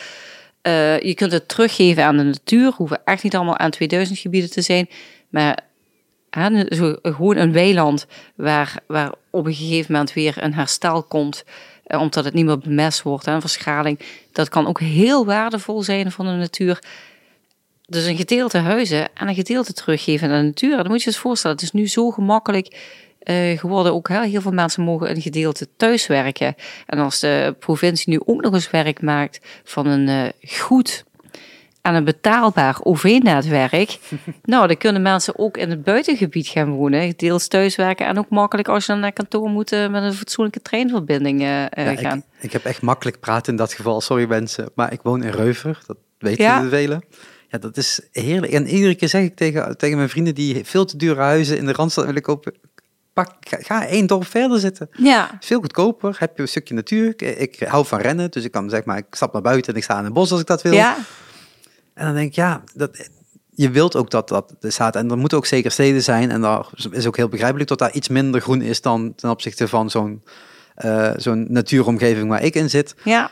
Um, maar ja, als je dit nu zegt, dan denk ik, ja, al die, al tussen aanstekens, die boeren, aanhalingstekens, al die boeren die dan weggaan. En je zou daar nog meer groen krijgen, of in ieder geval een verdeling krijgen van woonwijken met groen erbij of dergelijke. Ja, dan is dat wel fijn wonen, zou ik zeggen. Ja. Maar ja, wel weer nog meer mensen. Dan wordt je dorp weer nog groter en dan wordt het weer bijna dadelijk een stad. En dat is dan ook ja, weer... Maar, uh, ja, dat, dat klopt. Maar uh, waar nu bijvoorbeeld heel veel weerstand is, uh, is in Limburg natuurlijk. Wat we heel veel zien is dat, is dat voor die um, intensieve veehouderij, maar ook voor asperges en, en ik denk misschien ook wel fruitpluk, ik weet niet, maar in ieder geval asperges, mm. intensieve veehouderij, slachthuizen... Um, heel veel arbeidsmigranten nodig zijn. Hè? En dat er dan uh, op een gegeven moment 100 of 200 arbeidsmigranten moeten komen om dat uh, vuile werk op te knappen wat wij niet willen doen. En dat is ook nog veel goedkoper dan. Kwestie van uitbuiten. Dat, uh, dat mensen daar van staan te stijgen. Maar ik denk dat als er wat meer mensen in het dorp wonen, dat de voorzieningen ook in stand blijven. Hè? Dat, is, dat, dat, mm. hè, dat heb je dan ook wel meer. Ja, wij zijn volgens mij van vier scholen naar één gegaan. Ja, precies. Dus dat, uh, dan blijft die leefbaarheid op het platteland uh, ook wel in stand. Nou, meteen platteland. Ja, Reuver is niet echt platteland, maar dan, en die dorpen blijven dat ook. Nee, maar, is dat wel het punt, want dat, nou, natuurlijk, dat, dat komt daar dan weer door. Omdat je die ruimte creëert en er meer mensen heen kunnen, ja. zorg je ervoor dat de infrastructuur daar ook weer ja. wat logischer wordt dan hoe het nu wordt gedaan. Want het zijn natuurlijk allemaal bezuinigingen. Ik, uh, rij, rij, sorry, ik fiets heel weinig. Ik rij iedere keer langs uh, de oude school waar mijn zus heeft gezeten. En dat is nu tegen de vlakte gaan, daar komen weer woonhuizen. Ja. Weer een school, daar minder. Ja, ja. Uh, als je tegen, met scholen praat, dan hoor je ook, ja, wij moeten ook bezuinigen. We moeten ook gewoon minder locaties. En ja, alle studenten moeten maar naar één locatie komen, want we ja, hebben niet precies. genoeg studenten. Ja, dan los je dat daar, of los tussen aanstekens, je daar ook weer mee op. Ja. Dus dat voeg je dan op die manier toe. Een ander punt wat je net noemde, is eigenlijk het verbinden van uh, de, de, de natuur. Ja, heel belangrijk. dus niet zozeer wat ik net opnoemde, de fietspaden die ertussen ja. zitten, maar tot de dieren, zeg maar, van locatie naar locatie zouden ja. kunnen gaan. En zeg maar de. Ja, het is heel belangrijk dat inderdaad uh, voor de soorten, voor ja. de kwetsbare soorten. Uh, maar ook voor de dus voor flora en fauna, laat ik maar zeggen, dat die natuur verbonden is. Uh, dat dieren kunnen migreren, dat insecten kunnen migreren. Kijk, het is zo dat, dat je eigenlijk zou je via wegbermen kunnen doen als je alleen maar de wegbermen gaat uh, maaien of begrazen bijvoorbeeld. Mm. Na de bloeiperiode, ja, dan is er enorm veel meer voedsel voor insecten. Maar het is ook belangrijk dat dat verbonden wordt en dat er een grote biodiversiteit is. Dat er, dat er een diversiteit is aan planten en aan bomen.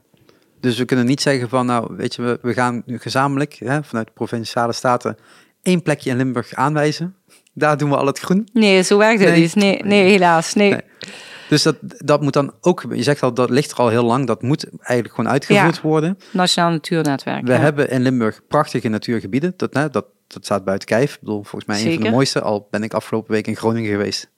Uh, dat was niet zo mooi als in Limburg was natuurlijk. Niet zo mooi als Limburg, maar was wel echt een heel, stuk, heel, heel, mooi, heel fijn stuk om in te rennen. Um, um, maar daar moet dan weer actief op gehandeld worden vanuit de provinciale staten. Die moeten dan tegen de gemeente gaan zeggen: jullie moeten deze gebieden met elkaar gaan verbinden. Nee, de provincie moet dat, dat provincie? de lieden nemen, ja. ja. En daar hebben we. En dat zijn middelen dan weer. Dat zijn middelen. Maar wat, wat we hier in Limburg hebben gezien, is dat uh, toen de uh, natuurwetgeving gedecentraliseerd werd. Even het jaartal kwijt, ik denk 2011, maar ik weet, ik weet het jaartal even niet ja. meer in mijn hoofd. Uh, dat er toen dat is over de schutting naar de provincies gegooid met een zak geld. Uh, aan een opgave om meer natuur uh, te verwerven, dat kwalitatief goed in te richten. Eh, want groen, hè, je zei we hebben in het begin van het gesprek, eh, ik zie groene weilanden. Ja. dat is groen beton. Mhm. Dat heeft Ja, ja. echt nul waarde. Ehm, dus kwali- kwaliteit is ook heel belangrijk en die verbinding is heel belangrijk. Maar wat je ziet is dat Limburg eh, een deel van het geld niet heeft gebruikt voor het verwerven en het verbinden van de natuur en die kwalitatieve slag gemaakt. Nee, er is een gedeelte van het geld naar agrarisch natuurbeheer ge- gegaan, dus naar de boeren. Ja, en daar wordt, er is ook geen handhaving op, er is geen controle op, nauwelijks in ieder geval. Ja, we hebben in Limburg echt wel eh, slechte keuzes gemaakt. We zijn volgens mij ook de enige provincie dat, die er geen eigen geld bij hebben gedaan.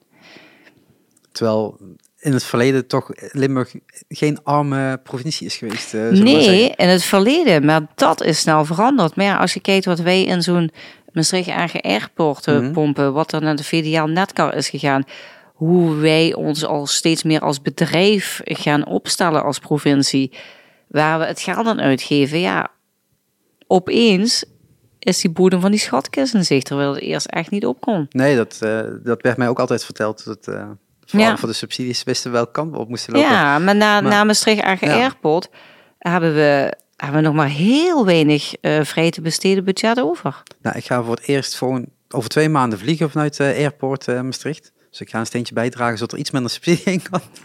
Dat was niet, dat was Oh, niet dat echt de bedoeling. oh, Nee, nee, nee. Ik denk, hier komt de oplossing. Nee, maar dit is, natuurlijk, ja, dat is natuurlijk een discussie die in Midden-Limburg wat minder speelt. Ja. Dat Terwijl het ook jullie zijn. geld is, hè? Ja, ja, dat is ook ja, jullie geld. ja, daar- ja. Nee, maar dat is natuurlijk ook wel van... Ik kan me ook wel voorstellen dat je zeg maar... Eigenlijk vanaf Roermond en up... Ja, we horen wel hoe het in Maastricht afloopt met, het- met, dat, eh, met dat vliegveldje Ja. is het dan. Eh, terwijl het een immense impact heeft op de keuze die wordt, wordt gemaakt. Al met dat dat eh, vliegveld sluit. Ze gaan er ook een hele hoop banen verloren. Nu kun je dus zeker zeggen, wat is de waarde van die banen ten opzichte van het grote geheel? Eh, ten opzichte van de natuur, eh, ten opzichte van... Dus dan moet ook altijd een hele... Dat is ook een hele lastige afweging. Dat begrijpt ook iedereen, denk ik wel. Ja, nu valt het kwartje dan die kant op, denk ik dan. Ja, nou ja, wat is de. Natuurlijk zijn banen belangrijk, maar als je kijkt, ehm, als je er 100 miljoen eh, in moet stoppen en, en still counting, dan eh, zijn er wel heel dure banen. Terwijl we nu staan te schreeuwen om mensen die. eh, die energietransitie kunnen vormgeven, die zonnepanelen kunnen leggen, die innovatieve ontwikkelingen bedenken van hoe, kun je, hoe kunnen mensen langer en beter hun energie opstaan. Ik bedoel, de, de, er is een enorme krapte op de banenmarkt. Dus ja, er zijn ook plannen ontwikkeld door eh Francine Hoebe, volgens mij eh, heet ze, om ehm, voor een andere inrichting van dat enorme terrein, waarmee je heel mooie dingen zou kunnen doen voor de natuur, maar ook voor de mensen en de omwonenden. Ja. Maar nu is het definitief tot blijft, toch? Of moet er nog Niks is definitief. ja, dat eh, uiteindelijk eh Ja, kan die nu? politieke wet. Nou ja, kijk, dat was natuurlijk ook voor ons een teleurstelling. Maar ik moet wel zeggen, er waren nog nooit zoveel mensen tegen. Ik zit hier nu, ehm, ik ga mijn derde periode in als eh, de kiezer het wil. Mhm. Met de vorige, mijn eerste periode waren alleen de Partij voor de Dieren en GroenLinks tegen AMA. Nou, en gelukkig zijn er, dat, zijn er steeds meer partijen bijgekomen. Ik denk dat het ook mee te maken heeft dat een vrije kwestie is eh, geworden in het college. Hè? Dus eerst ja, moest je echt eh, conformeren aan het college Mhm. besluiten. En dus nu met dat extra parlementaire is dat toch wat, eh, wat losser geworden. Het verzet is nog nooit zo groot geweest, dus dat vind ik wel hoopgevend. Ja, nou, we zullen zien wat daar de, op de... En natuurlijk degene die die stikstofzaak heeft gewonnen met, eh, met die boeren, die eh, heeft ook bezwaar. Eh, die, is Ja. ook, die stapt ook naar de rechter, dus dat vind ik ook nog wel interessant om te volgen wat daaruit gaat komen. Ja, het is natuurlijk sowieso een kwestie die, niet, die gewoon niet gaat, gaat stoppen. Dat, dat blijft... De mensen zullen er altijd blijven tegen vechten om te kijken Ja. van waar kunnen we alsnog zeg maar een halt toeroepen. Eh voor nu is die keuze gemaakt. Ja, Ehm, ehm, 15 maart kun je gaan stemmen. Ja. En als er een totaal andere groep mensen gaat zitten, wie weet, kan er alsnog iets gebeuren op middellange lange termijn. Ehm, dat waren eh, twee eh, punten. Nu ben ik even denken, wat, is, wat was de volgende punt? Ja, zie je, dat, ik had het toch één voor één moeten doen. Dat was makkelijker geweest. Ehm, ik weet hem echt niet meer. maakt niet uit. Even denken, wat waren jullie standpunten? Ja, we hebben natuurlijk eh, we hebben, we hebben het over stikstof gehad, we hebben Ja. het over natuur gehad, we hebben het over AMA gehad. Eh, oh, dit eh, OV. OV, ja, dat is natuurlijk echt. Uh, we hebben vervoersarmoede in, uh, in Limburg. Hè? Dus, dus uh, mensen kunnen niet met het openbaar vervoer gaan, omdat er gewoon te weinig, omdat het niet beschikbaar is. Mhm. Ehm, het is ook duur. Ja. Hè? Dus in deze tijden uh, is dat natuurlijk jammer. Ik denk, waarom kun je in het buitenland wel voor een paar euro met OV gaan en, en hier niet? Hè? Dus dat is duur. Ja, en die Maaslijn is nog steeds niet uh, uh, van de grond. Dat is nog steeds een drama voor studenten uit Nijmegen. Uh, ja, volgens mij duurt het nu even lang om vanuit Maastricht naar Den Haag te gaan als, als tientallen jaren geleden. Dat is ook nog steeds geen oplossing. Dus dat is allemaal heel, heel jammer en erg dat de provincie dat niet goed heeft aangepakt. Ja. Maar ik heb, hoe, hoe lang is dat nou geleden? Een jaartje of tien, denk ik. Hmm? Toen werkte ik in Roermond. Dus ik moest van Reuven naar Roermond. Nou, toen ergerde ik me al überhaupt aan die, aan die treinverbinding, laat staan aan de kosten daarvoor. Hmm? Uh, volgens mij daarvoor werd al gepraat over die Maaslijn. Ja. Um, er werd gezegd, ja, er komt dan een tweede spoor langs te leggen. Dus dan, daar moeten we iets meer ruimte voor maken. Want het was niet heel ingewikkelder dan een tweede spoor aanleggen. Ja. Um, dan had je nog de, uh, voorheen was alles NS en toen was het Arriva en NS die er overheen moest of gedeeltelijk en verdeeld en dat soort dingen. Dus dan was het, ja, maar wie heeft dan die rechten daarop?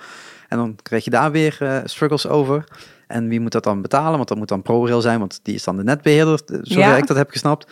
Um, maar ja, dan moet dan het Rijk bijleggen, maar dan moet de provincie ook weer bijleggen. Dan moet de gemeente staan natuurlijk ook weer aan bijdragen, want ze- ja, het is wel hun station.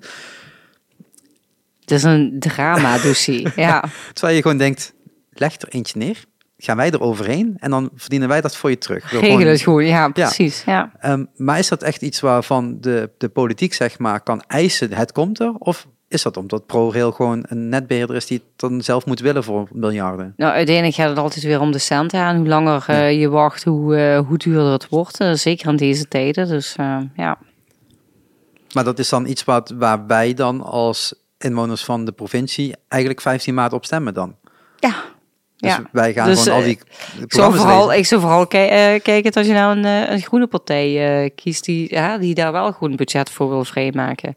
Kijk, je kunt niet om- alles, hè? Je kunt niet alles. Je kunt niet dat vliegveld in de lucht houden en aan het OV en aan een heleboel dingen. Je, moet- je moet keuzes maken aan wat de Partij voor het Dier betreft. Worden dat duurzame keuzes? En dan is de trein daar een oplossing voor. Absoluut. Absoluut. Ja. Maar tegen de huidige prijzen kan ik me ook voorstellen. En ik maak zelf die keuze ook nog steeds. Ik pak de auto, want die is Ja. goedkoper Ja. dan de trein. Ja, dat klopt. En er zijn natuurlijk ook wel veel grote bedrijven die bijvoorbeeld ook zeggen, nou weet je, als je met het OV reist, dan vergoeden wij dat 100%. Dus dan kunnen, kunnen de werkgevers kunnen daar ook Ja. iets aan betekenen.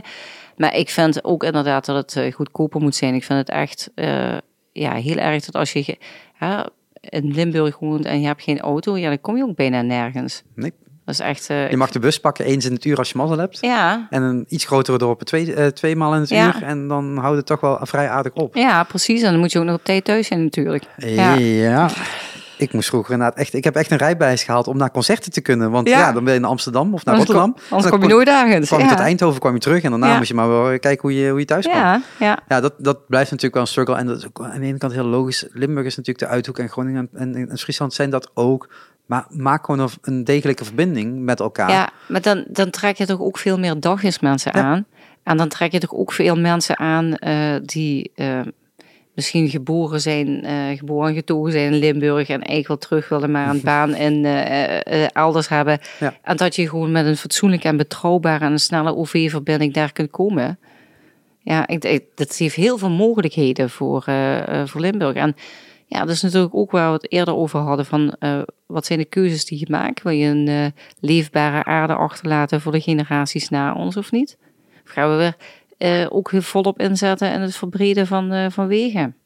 Wat ons betreft niet. Nee? Nou, nou, Ja. nee, dat is ook heel logisch. En dat, is ook, en dat zijn natuurlijk ook dit, dit, dit- al die punten, want ik ben het met je eens, maar volgens mij is dat wel duidelijk. Ja, Eh, eh, de afgelopen jaren, en dan spreek je echt wel over 30 en 40 en 50 jaar geleden, zijn er keuzes gemaakt om meer snelwegen te maken, om meer rijbanen te creëren, om te zorgen dat mensen op die manier konden verplaatsen. Want dat was ook gewoon sneller van A naar B toe. Hè? Hetgene wat je eigenlijk met die trein ook wilt creëren. Het, ja, weet je, het heeft een. eh, eh, als je kijkt bijvoorbeeld naar een, eh een is die, Parkstadring aangelegd. hè? ja. Ik vind het een. Ik vind, het doet me nog. Ik woon in een Parkstad, dus ik rijd daar ook vaak rond. Van ja, ik kom ook nergens bijna met het OV. in het dorp waar mijn moeder woont, daar rijdt niet eens een bus uh, uh, het dorp in. Maar uh, ik vind het, nog, het doet me nog steeds pijn als ik zie hoe dat door die Brunsum rijden loopt, hoe dat door het mm. landschap zo, wat, welke natuur geofferd is en zo, oh, we hebben zo gecompenseerd. Ja, dat duurt heel lang. Hè. Natuur mhm. kun je eigenlijk niet goed compenseren. Maar goed, het, en het heeft een aanzuigende werking op verkeer. Als jij een, uh, dus er, gaat, er is een brede weg, het is makkelijker, het is sneller, dan gaan veel meer mensen ook die auto pakken. Hetzelfde geldt ook voor OV. Als jij een goede OV-verbinding hebt die ook nog betaalbaar is, dan gaan meer, veel meer mensen die trein pakken en die bus pakken voor mij is dat is, is gewoon een, een, een kleine drempel op. Maar ik ga, ik ga voorlopig gewoon niet met de trein, omdat heel veel problemen nog niet zijn opgelost. Ja. Maar uh, uh, die OV-pas. Je moest op een gegeven moment, hè, gingen we van die stripkaart naar die OV-pas. En die was dan twee jaar geldig of zo. Dat je denkt, het is een digitaal ding, waarom is dat twee jaar geldig? Ja. Uh, dat, ik reis er niet heel vaak mee, dus dan zet je er geld op, dan vergeet je dat er geld op staat. Dat geld ben je al kwijt, daar begint het al mee. En dan zegt iemand aan het eind van de rit, ja, dat geld ben je kwijt, want je pas is, is overleden. Hoezo? dit, dit is gewoon nog steeds hetzelfde pasje. Nee, dat kan niet. En sinds vandaag zag ik op, de, op, de, op het nieuws dat je met je telefoon kan inchecken. Dat ik denk, oh, ja. dat heeft echt veel te lang geduurd, mensen. Ik doe dit al jaren in Londen. Ja. Als ik daar ben, en gewoon, gewoon tik er tegenaan en je kunt door. En aan het eind van de dag wordt dan afgerekend met hoeveel je hebt gereisd. Ja. En hier is het dan zo krampachtig dat je denkt, ja, maar waarom zitten wij nog met oude systemen te werken? Ja, precies. Het is gebruikersgemak ook. Hè? Dat moet gemakkelijk zijn, dat moet betrouwbaar zijn, uh, betaalbaar zijn. ja. Ja, en dat zijn natuurlijk wel van dingetjes dat je denkt van ja, maar dat moet dan weer echt op dat nationale vlak of door in ieder geval NS, een privaat bedrijf. Ja. Semi-privaat bedrijf. Um, moet dat dan geregeld en geworden? En dan kun je inderdaad vanuit Limburg wel zeggen, ja, maar jongens, je moet hierheen komen en je moet. Uh, ja, die kijkt natuurlijk ook naar bezoekers, de huidige bezoekersaantallen, maar je zou ja, eigenlijk wel denk je blikvelden moeten verbreden en kijken van wat meer kunnen wij aantrekken als je inderdaad die intercity doortrekt naar, uh, naar Aken. Uh, als je vanuit Den Haag, Eindhoven, Heerlen, Aken, als, als dat gebeurt, ook dat grensoverschrijdende, eh, ook uh, bij Weert, Hamond, noem maar op. Dus ook dat grensoverschrijdend vervoer is natuurlijk een drama. Maar het, als, als, het, als het goed is, dan gaan veel meer mensen dat gebruiken. maar dat betekent echt op voorhand, naast politieke keuzes, ook internationale keuzes maken, investeringen doen. Ja. En dan een aantal jaar wachten voordat het er ligt. En dan zeg maar een aantal jaar daarna zeg maar pas de vruchten gaan plukken daarvan. Ja, goed, maar we maken wel, uh, we doen ook wel grote investeringen. Gaat dat er, uh, ik hoef 52 miljoen uh, naar VDA Netcar gaat, wat dan aan een, een oerbosje kost en dat het eigenlijk een fossiele industrie is. Terwijl er, ja, dus wel gewoon fossiele auto's gebouwd en... Nog wel. Ja, nog wel, maar dat... Ze mogen daar niet meer bouwen. Dus ja. op een gegeven moment zullen ze ook zelf om moeten. Wat weer... Ja, maar dat sterrenbos is wel gekapt. En ja. de natuurwaarde die dat sterrenbos had, uh, dat is niet te compenseren. Ja, en we weten ook dat ja, die luchtvaart, ja, dat het ook niet meer zo door kan gaan. Hè? Dat, het, dat het goedkoper is om met, de, met een vliegtuig naar uh, Barcelona te gaan dan, dan met de trein. Ja. Ja. Dat zijn, dat zijn bij mij nog steeds de, afwegingen. Ja. Als, ja, natuurlijk. En, zeker in deze tijden gaan mensen zo denken. Uit, Dat snap ik. Ja. Nee, maar ook in het, en deels is het natuurlijk gemak. En ik ben echt wel bereid om iets meer te betalen als het een groenere, duurzamere keuze zou zijn. Ja. Maar als ik vanuit Reuver eerst naar Eindhoven toe moet om daar een, een, trein te pakken, om dan naar Rotterdam te kunnen, om dan zeg maar de oversteek te maken, dan denk ik van ja, dat duurt me te lang. Ja. Dit, is, dit is gewoon niet logisch. En tot ik dan in de Uithoek ben gewonnen niet helemaal vrije keuze. Maar als ik in de uithoek ben gewonnen, dan, dan, dan moet ik misschien die last dragen. Terwijl iemand vanuit Amsterdam zegt, ja, maar ik ga dit vliegtuig niet meer pakken. Ik kan gewoon meteen uh, door het water heen ik ben aan de overkant. Ja. Ja, is dan, moet ik dan die extra moeite doen? Is dat dan mijn struggle, zeg maar, die je dan moet doen? Ja, maar als je kijkt naar het vasteland, hè, ook met, om, om dan met de trein te gaan, ja, dat is gewoon ook veel duurder dan, met, uh, dan met het uh, vliegtuig. Dat is toch absurd? Ja, de, de, daar de, al, alle achterkanten die zijn daarvoor zijn ingericht, zeg maar, om dat mogelijk te maken. Ja. iedereen zegt, ja, je kunt ook niet vliegen voor twee tientjes naar Londen. Nee. Uh, vanuit met Ryanair. En dat je denkt, jawel hoor, ik betaal daar. En ik ben daar. Ja. En hoe, hoe zij dat aan die achterkant regelen en die slecht betalen voor die uh, medewerkers, ja, ik ga niet vijf keer zoveel betalen om met de trein te gaan. Nee, maar het, heeft natuurlijk enorme consequenties. Dus ik snap dat mensen die individuele keuze niet maken. Maar als je nu kijkt naar AMA, er zijn ook een heleboel. De, we hebben het toerisme bijvoorbeeld in Zuid-Limburg, is een hele grote banenmotor. Hè? Iedereen Mhm, zegt wel die banen bij MHA.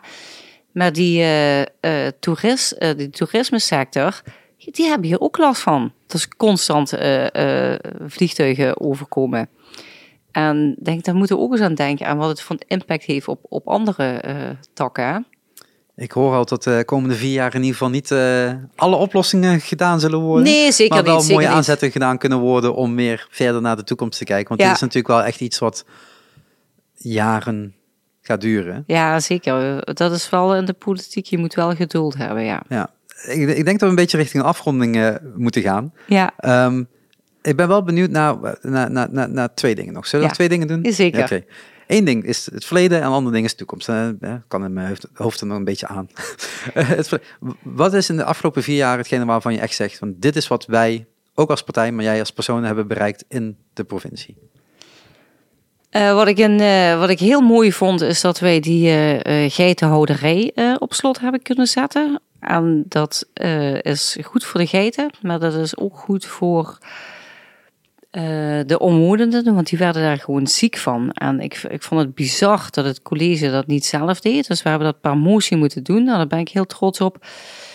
Ehm, eh, wat we voor elkaar hebben gekregen voor de natuur, daar ben ik heel trots op. De aandacht voor het sterrenbos. Ik, ik was er al twee jaar mee bezig Mhm. met dat dossier. En denk van, nou ja, weet je, iedereen weet nu wel in Nederland wat het sterrenbos is. Het is helaas gekapt Was, ja. was de sterrenbos was. Ja. Dus en dan hoop ik dat er dan de volgende keer andere keuzes worden gemaakt. Ja, dat zijn wel dingen eh, eigenlijk voor de natuur en dierenwelzijn. Kwetsbare mensen. Ik ben initiatiefnemer van de Limburg Regenboogprovincie. ja. Dus ja, daar ben ik wel trots op. Ja. En Ja. Dat, dat wil ik wel zeggen, dat doe ik niet mijn eentje, dat doe ik met ons team. Ja, ja, zeker, zeker. ja, dat, ja. Is gewoon, als je dat lijstje dadelijk ziet voor je, ja. dan staan er een x-aantal namen op. Maar er zijn nog veel meer mensen aan de achterkant Precies, bezig. die staat er niet op, maar dat zijn de stille krachten op de achtergrond die zorgen dat het allemaal klopt wat wij en willen. ook volgens mij bijna allemaal vrijwilligers eh, die ook wel daar aan die kant... eh, Er zijn eh, veel vrijwilligers. We hebben twee mensen in dienst eh, bij de fractie.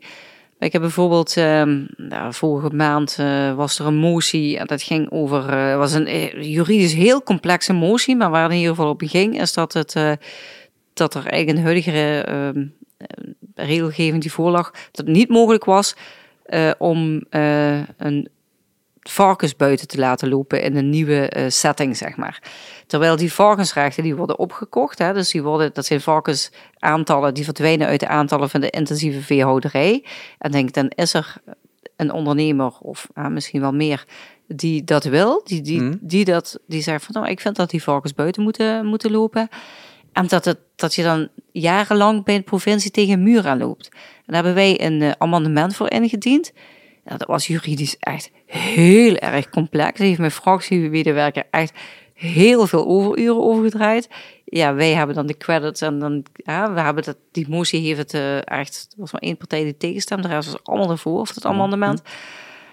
Maar er zit echt wel iemand ook heel erg te zweten aan die andere kant. En. Dat is onzichtbaar. Dus en dat is ook wel heel mooi dat je het, het samen doet met een aantal mensen met die idealen. En ja, dat we dat, eh, dat we samen zoiets kunnen bereiken. Dat vind ik heel mooi. Ja, Ja, ja dat, maar dat, dat, dat is inderdaad bij heel veel dingen. Dan zie je inderdaad wel degene die vooraan staat, maar Ja. niet degene die daar... eh, ja en er zit aan echt een team Ja. eh, achter. Ja. Nou ja, dan weet je ook wat de volgende vra- vraag is. Wat zou je graag voor de komende vier jaar? Hè? Je wordt dadelijk herkozen daarin. Je, je, bent, eh, je bent terug in de, in de provinciale politiek daarin. ja. Je hebt die plek voor de komende vier jaar. Eén ding in dit geval, want anders ga je een heel lijstje opnoemen. Want ik weet dat je heel veel dingen wilt bereiken. En die ga je ook wel even bereiken. Maar gewoon één van dingen waarvan je denkt... Dit, moet gewoon even, dit, dit moeten we gewoon even oplossen in die vier jaar. Nou, Even, dat is altijd een lastige, eh, vooral in de politiek. Maar wat ik eh, vind, denk ik, als we die stikstofaanpak goed aanpakken, dan komt er een perspectief uit voor de boeren qua extensivering, maar ook een goed eh, model, eh, verdienmodel. Eh, dan heeft dat zijn effecten voor de natuur, aan de dieren, aan de planten die er in die natuur eh, zich bevinden. Maar ook voor de mensen in de zin van, nou, weet je, betaalbare woningbouw en Dat soort dingen. Dus ik denk als we die stikstof aanpakken, als we dat goed aanpakken, dat het op heel veel vlakken effect heeft. En dat zou ook gewoon moeten in die vier jaar. Dat is moet, ja, dat zou ik toch hopen. Ja, ik hoop dat dat eigenlijk al sneller gebeurt. Maar goed, we zien al hoe lang het nu duurt. Hè? Maar het, het, eh, stel, het wordt dit jaar en volgend jaar aangepakt. Er worden beslissingen genomen. Er worden maatregelen getroffen. Voordat dat überhaupt de volledige uitwerking heeft, ben je sowieso ook twee jaar verder. Verder, dus dan ja. je vier jaar ben je dan voorbij. Dus Ja. dat is een mooie... Ja, wat ik wel eh, belangrijk vind, is ook de komt stikstofruimte vrij hè, door het uitkopen van die boeren. Maar waar gaan we dat voor inzetten? Gaan we dat, eh, gewoon niet. Gewoon niet. Wat Ja, dat dus, zo ja, moeilijk? jij bent 30, 70 reding, je hebt 30% gaat terug Ja, ja. Naar, de, gaat naar de natuur. Ja. Maar ik hoop dat, eh, dat die 70% dan ook ten goede van de burgers eh, wordt ingezet. En niet ten goede van een aantal multinationals of grote bedrijven. Daar zullen we ook voor strijden. Nou, kijk Ja. eens aan. Nogmaals, die datum hebben we al heel vaak genoemd. 15 maart. 15 maart. Dan kun je dus naar de stembus. Ja. Ehm, de afgelopen paar jaar mocht je ook twee dagen eerder en dat soort dingen. Ik heb eigenlijk helemaal niet ingelezen als dat dit jaar weer eh, van toepassing is. Maar hou gewoon 15 Ja. maart gewoon even Ja. 10 minuutjes vrij in je agenda. Want meer kost het ook niet. Dus gewoon even naar een locatie toe. Invullen. En Ja. van tevoren, een paar dagen van tevoren, gewoon een paar dagen van tevoren is genoeg. Even inlezen op wie wil je stemmen. Ja, of desnoods, als je geen tijd hebt om, die in, om in te lezen, vul een stemwijzer in. Hè. Dan heb je vaak ook een uitleg Ja, achter staan. highlights, ja. En dan wat er uitkomt, dan kun je er dan nog eh, die partij eruit pikken. Maar dat is, eh, is wel belangrijk. En kijk ook vooral of, je, of die partij waar je op gaat stemmen ook doen wat ze zeggen. Dat is heel belangrijk. ja, Je kunt, je kunt dus hele mooie stemadvies. Je ja. kunt heel veel eh, lijstjes maken en dan gewoon zeggen, ja, maar dit ga ik gewoon nooit doen. Maar dat is wel een mooi lijstje. ja, Ja. ja. Ja, nou, in ieder geval dankjewel. Dankjewel Ja. dat ik hier mocht, eh, mocht zijn. Dankjewel Nou, dat je heel erg eh, bedankt dat je, dat je de moeite neemt om dit allemaal te doen. Want het is natuurlijk vind ik echt fantastisch. Ik vind dat het heerlijk om te doen en over hier over dit soort dingen praten. Heerlijk. Ja. Ik heb echt niet overal verstand van. Soms zeg ik van wel. Maar eh, het, het is gewoon heel fijn om nou over te praten en over, over na te denken. Ik bedoel, is- ik moet dadelijk ook gaan stemmen. ja, Dus gewoon, dit scheelt mij een stemmeester invullen. Eh, goed zo. Goed nou, zo. hey, dankjewel. En eh, ja, de- wanneer de volgende Shark Talk online komt, dat merk je vanzelf. Dus zorg dat je je abonneert. Dat is makkelijker en dat soort zaken. Ja, Ehm, en ik, ik, ik heb in ieder geval genoeg mails uitgestuurd naar mensen die hier ook in deze kamer zitten. Een paar Mhm. deuren verderop, een paar deuren terug. Ehm, en hopelijk dat die eh, ook nog gaan willen aansluiten. En dan eh, gaan we daar nog wat meer podcast mee opnemen. nou, Dus- ik, eh, ik zal in ieder geval zeggen dat ik het heel leuk heb gevonden. Hey, dankjewel nogmaals en tot de volgende keer.